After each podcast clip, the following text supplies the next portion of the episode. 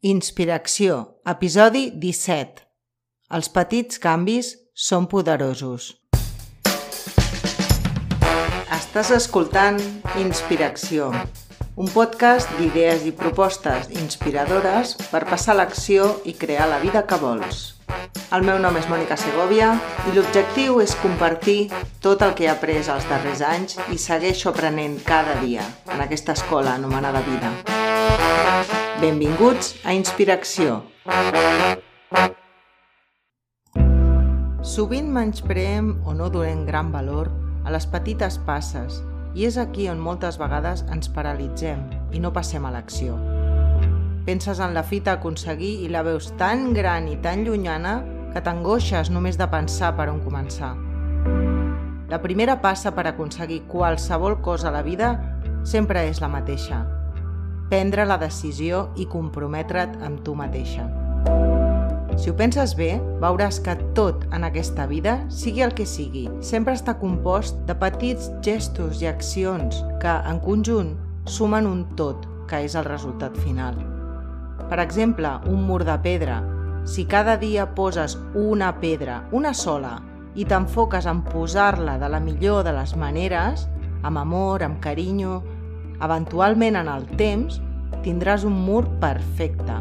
Inclús en una recepta, si t'enfoques en cada pas, en comprar els millors ingredients, després en tractar-los, netejar-los, anar fent el sofregit a poc a poc, etc., al final tindràs un àpat deliciós. És molt important tenir present que has de marcar la direcció. És a dir, petites accions que et portaran allà on vols anar. Si, per exemple, vols anar a Galícia, hi ha moltes maneres d'arribar-hi i molts camins que t'hi portaran. Pots anar pel nord, passant per Navarra i el País Basc, o pots anar travessant la meseta central. És igual quina ruta decideixis, perquè sempre tens clar quin és el destí a on vols arribar. Per tant, també la direcció a seguir. I si et desvies una mica, després et tornes a encarar. Tingues present que durant el dia prenem milions de decisions, la gran majoria de forma totalment automàtica, per hàbits adquirits. I quan poses consciència en canviar de mica en mica alguna de les accions, a poc a poc veuràs grans canvis a la teva vida.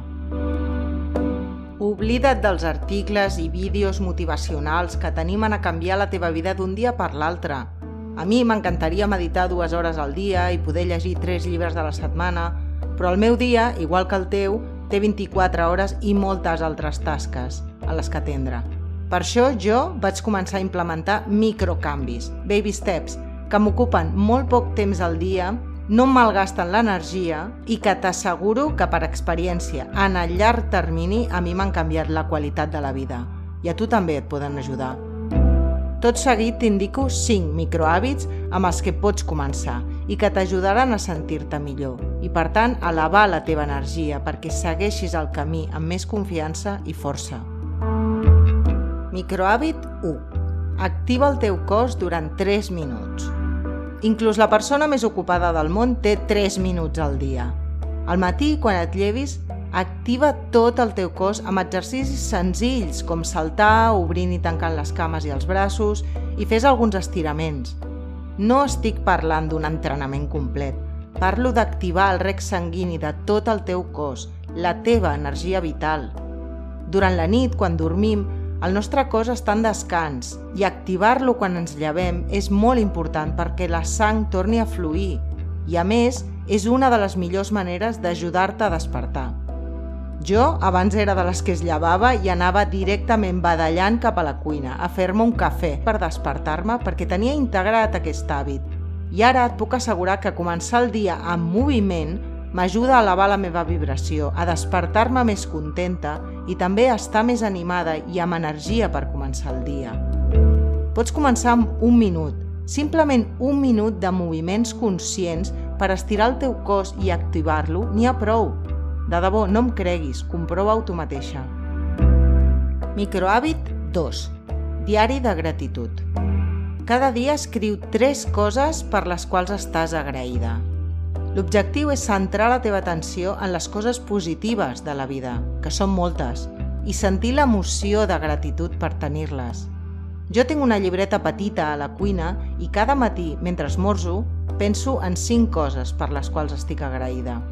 Vaig començar amb tres per integrar l'hàbit i ara et puc dir que amb cinc de vegades em quedo curta, perquè aquest senzill exercici m'ajuda a veure amb més claredat tot el que tinc i a separar el gra de la palla, és a dir, veure que ja ho tinc tot. Dos braços, dues cames, un cos sa i fort, energia, una família que estimo i que m'estima, bons amics, els meus dos gossos que m'ensenyen cada dia l'amor incondicional, el sol, la pluja, un sostre, roba, menjar, aigua calenta... I podria seguir i seguir i seguir. Tria tu mateixa. D'altra banda, fer-ho al matí i començar el dia amb l'emoció de la gratitud et posa en una posició positiva per encarar el dia amb una altra perspectiva i et fa somriure i sentir-te plena per tot el que ja tens. Microhàbit 3. Allibera espai. Desfesta i llença totes les coses que ja no necessites ni fas servir.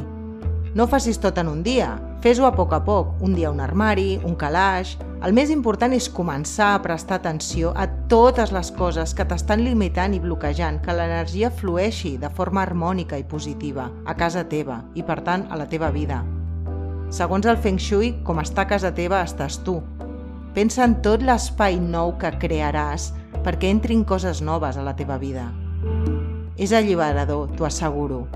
Jo fa 3 anys vaig llançar i donar totes les coses que feia més d'un any que no feia servir, sense pensar-m'ho, sense filtres. Vaig anar seguint aquesta norma amb tot el que em venia a les mans.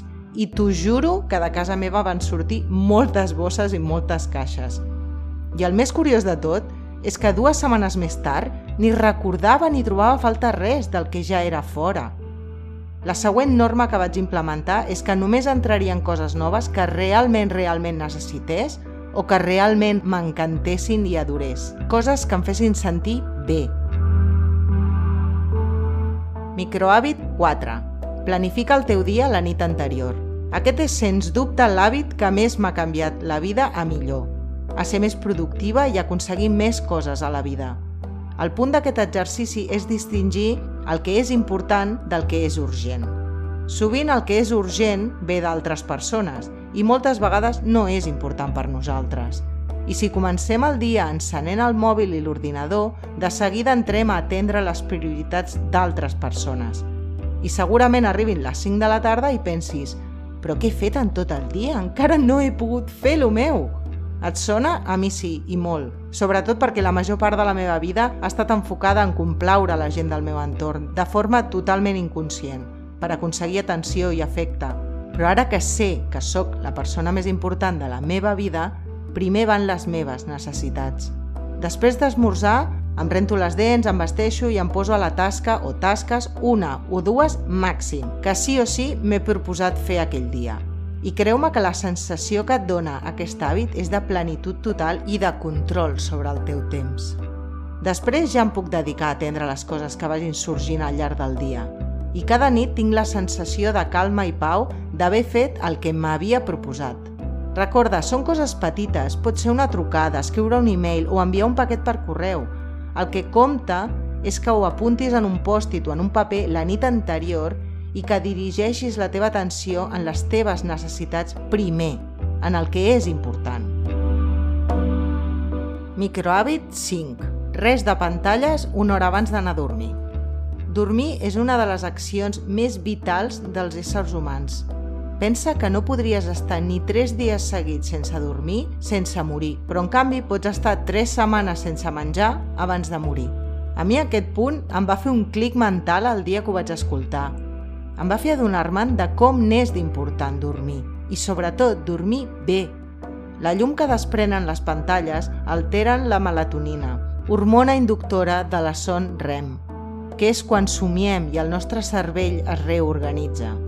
També és aconsellable deixar completament a les fosques el dormitori durant les hores de son, i és que si bé les llums que produeixen els pilots que indiquen l'stand-by o el nivell de càrrega del dispositiu semblen insignificants, la veritat és que també tenen un efecte considerable en la qualitat de la son. Resulta nociu que els ulls hagin estat exposats a una llum propera a la cara. Això es deu al fet que la concentració de melatonina s'altera a causa d'un fotopigment d'algunes cèl·lules de la retina, que són particularment sensibles a la llum violeta i blava, les que emeten les pantalles.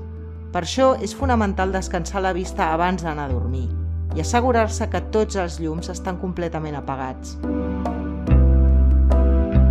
Si vols, pots començar per implementar un microhàbit, el que et resulti més senzill, i mica en mica anar ampliant. El resultat que obtenim tots a la nostra vida és una suma de totes les accions i decisions que prenem.